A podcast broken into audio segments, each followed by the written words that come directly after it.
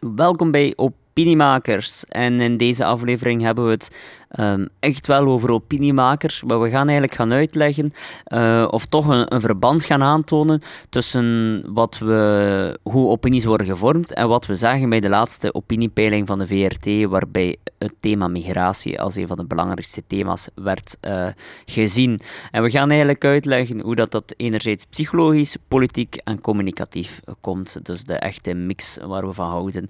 En in deze aflevering uh, geven we wat inzichten, maar wil je nog meer informatie over nudging en politieke marketing? Aarzel niet om eens te kijken op www.exposure.be. Op onze website eh, delen we heel wat uh, andere inzichten en ook nog uh, gratis e-books. Dus tot binnenkort.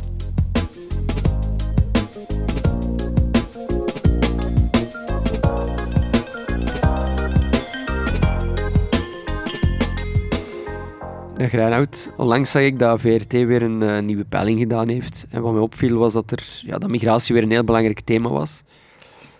Um, ik weet dat jij daar heel veel onderzoek naar gedaan hebt. Dus uh, ik vraag me af wat uw inzichten zijn daarover. Ja, dat klopt. Een, uh, een kleine, kleine nuance misschien. Het was vooral de het was vooral de, um, bij de gesloten vragen dat migratie als, als belangrijkste thema kwam. En er waren ook nog wat open vragen. En daar was dan economie uh, een belangrijk thema. En uh, het klopt uh, dat ik dan dat eens verder ben beginnen onderzoeken, omdat voor, voor ons, want wij, wij doen heel veel data-analyses, heel veel ja, gebaseerd op uh, wat is nu het politieke sentiment, wat, wat leeft er bij, bij, bij de massa, wat, wat leeft er, uh, welke onderwerpen zijn belangrijk. En eigenlijk voor ons, want die, die, die opiniepeiling van de stemming, uh, van de VRT, de stemming, gebeurt één keer per jaar, maar dat was totaal niet verbazendwekkend voor ons. want wij, wij doen elke week analyses en daar hebben we eigenlijk gezien dat, dat, allee, dat al altijd een van de belangrijkste thema's is geweest. Nu, migratie gaat in dit geval vooral over integratie. En um, een van die zaken die ik bijvoorbeeld heb gezien, of waarop, waarom het voor ons niet helemaal bizar is hè, dat, dat dat op nummer 1 staat bij gesloten vragen. Hij heeft eigenlijk te maken met enerzijds uh, heel wat psychologische technieken. Uh, een van die zaken is de availability uh, bias.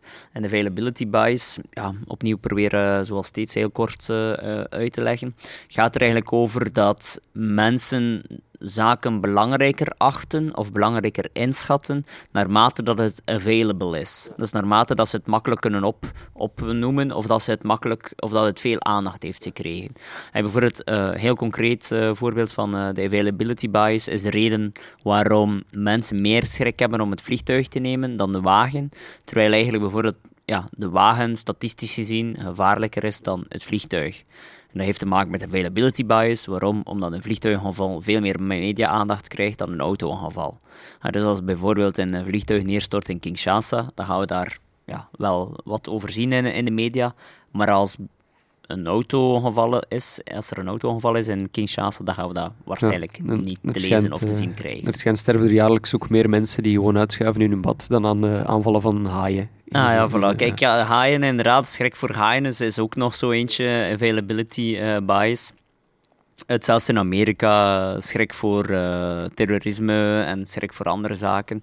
Nu, um, waarom is dit relevant in, dit inzicht of in deze analyse? Is omdat wij eigenlijk ook uh, verschillende datatools hebben waarbij we alle en letterlijk alle politici alle data uh, monitoren, bij, bijhouden, analyseren. En um, wij hebben daar bijvoorbeeld wel gezien dat eigenlijk het thema migratie altijd een van de toppers is geweest. Ik kan een paar cijfers uit mijn hoofd uh, noemen. als we kijken naar de politici die de afgelopen verkiezingen afgelopen, sinds de afgelopen verkiezing, dus sinds 2019. Ah, dus wat hebben we gedaan? We hebben eigenlijk gewoon alle data verzameld sinds 2019 en dan gekeken welke politici um, hebben welke posts online geplaatst. En dan hebben we eigenlijk de top 100 posts van uh, alle, ja, alle politici sinds 2019 uh, verzameld. Dus de top 100 gebaseerd op aantal interacties, likes, shares, boosheidjes, haha's en zo verder. Dus de top 100 hè, van alle Belgische politici. En daar is van de top 100 uh, 59% afkomstig uh, van Vlaams Belang. En van die top uh, eh, 100 is 50%, dus de helft van die 100 beste berichten, is afkomstig van Tom van Grieken.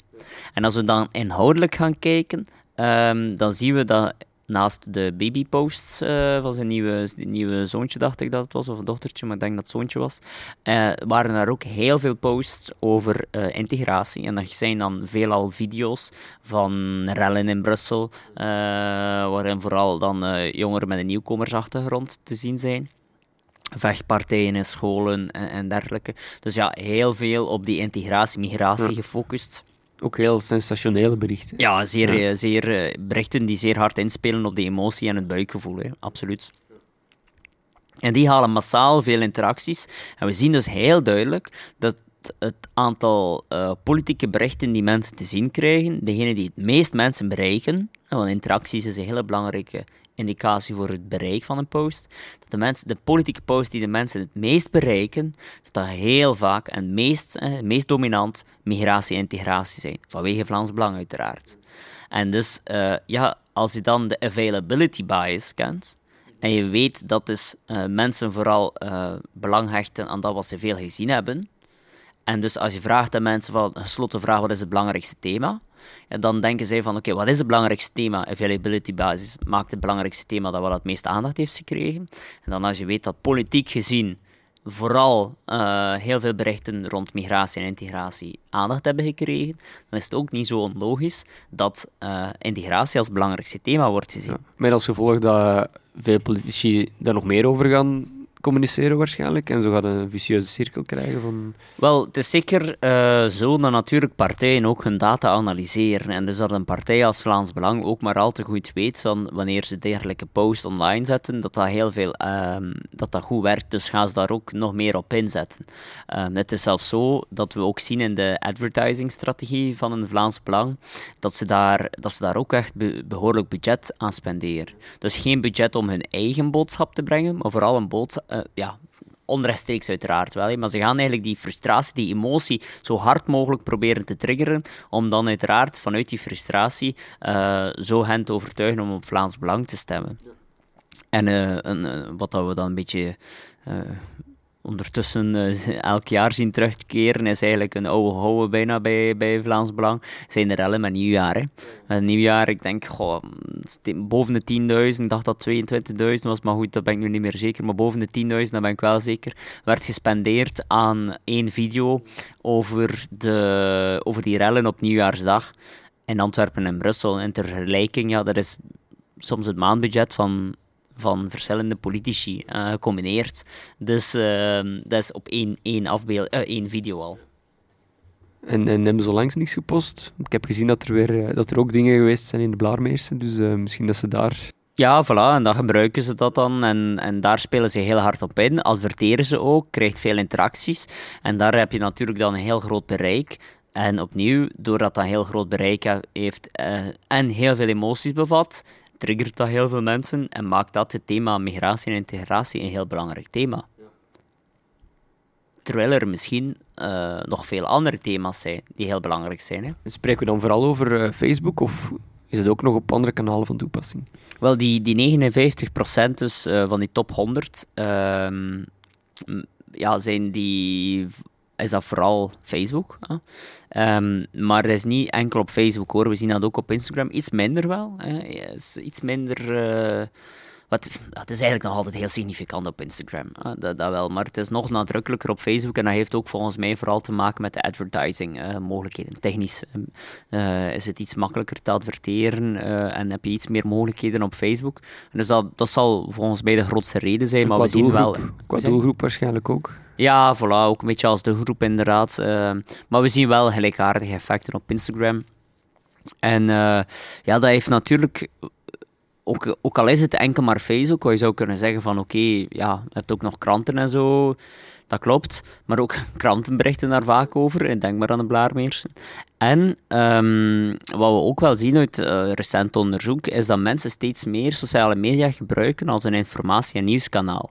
Dus als je weet dat meer, en eigenlijk nu zelfs de grootste groep, meer en meer mensen um, sociale media gebruiken om hun opinie te bepalen, opiniemakers, om hun opinie te maken. Um, ja, en je weet dat de meeste politieke, of de berichten die het meest aandacht krijgen, daarover gaat. Uh, dus die twee samengelegd, ja, opnieuw is het niet zo onlogisch dat migratie dan op nummer 1 staat. En dat is ook iets wat ik dan vaak uh, noem, is uh, de aarde is plat. De, herinner je nog onze parabel van Telenet en Orange?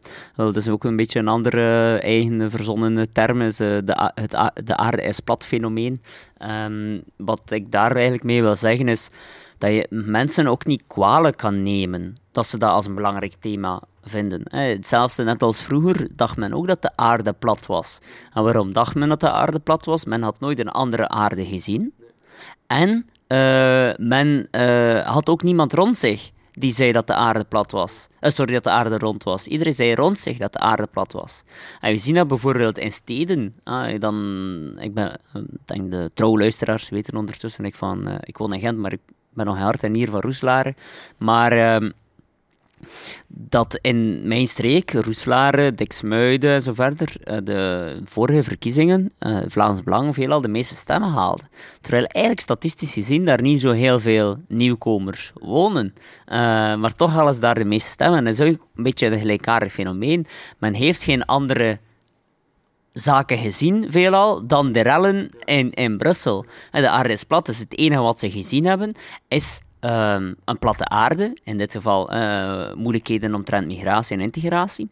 En ja, als je dan weet dat je bijna niets anders te zien hebt gekregen, dat de availability bias, en dat dan ook nog eens veel meer mensen hun realiteit maken op basis van wat ze zien op sociale media. Opnieuw, dan is het niet zo onlogisch dat migratie een van de belangrijkste thema's is. Dat is uh, voor alle duidelijkheid, opnieuw, gewoon, dus, dus de, de menselijke psyche, dus er is dat is gewoon hoe we zijn als mensen. Dat is, dat is niet, vooral duidelijkheid, ik krijg daar geen waardeoordeel aan, maar het is gewoon de analyse van de, menselijke psyche. En waar dat dan uh, uit een opiniepeiling blijkt van oké, goed, dat is het belangrijkste thema, maar waarom komt dat eigenlijk? Uh, dan, dan zien wij dat toch, dat dat ik ga niet zeggen dat dat enkel daarmee te maken heeft, eh, dat zeker niet. Maar we zien wel dat dat, uh, ik zie toch wel in de data dat er daar sterke, waarschijnlijk sterke linken. Hè. Ik kan niet zeggen dat het kausaal oorzakelijk is, maar ik zie wel heel sterke linken. Ja, door die echokamer eigenlijk. Ja, ja absoluut. Die echokamers, dat is ook een andere podcast waardig, maar een volledige podcast waardig tenminste. Maar, uh, Ja, absoluut. Ja. Net door die echokamers, ze liken dat, omdat je ook, zoals je zei, die emoties, het is heel emotioneel, ze, mensen reageren erop, ze zijn gefrustreerd, ze bekijken die video's helemaal uit. En dat is al genoeg voor Facebook om te weten van, ah, ze willen nog meer van die video's. En dan versterkt dat effect zich, uiteraard. Ja, ja, en op zich, ja, het, het wij-zij-gevoel is ook eigen aan de mens, denk ik dan. Dus... Ja, dat is uh, in-group, out-group effecten. Ja. Maar laten we daar niet te veel over uitweiden, nee, anders nee, wordt het weer een lange podcast. Ja, inderdaad. Oké, dan gaan we hier afronden. Alright, uh, bedankt Reinoud voor uh, ja, is dat inzetting en tot de volgende.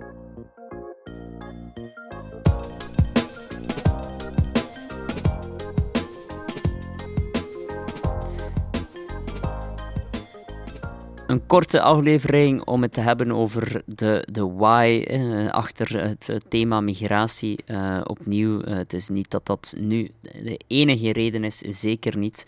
Maar het is toch opvallend ja, om te zien dat, dat al die zaken met elkaar toch wel in verbinding staan. Dus wil je hier meer informatie over, heb je nog toevoegingen, vragen, bemerkingen, ja, laat maar weten via www.exposure.be en tot de volgende aflevering.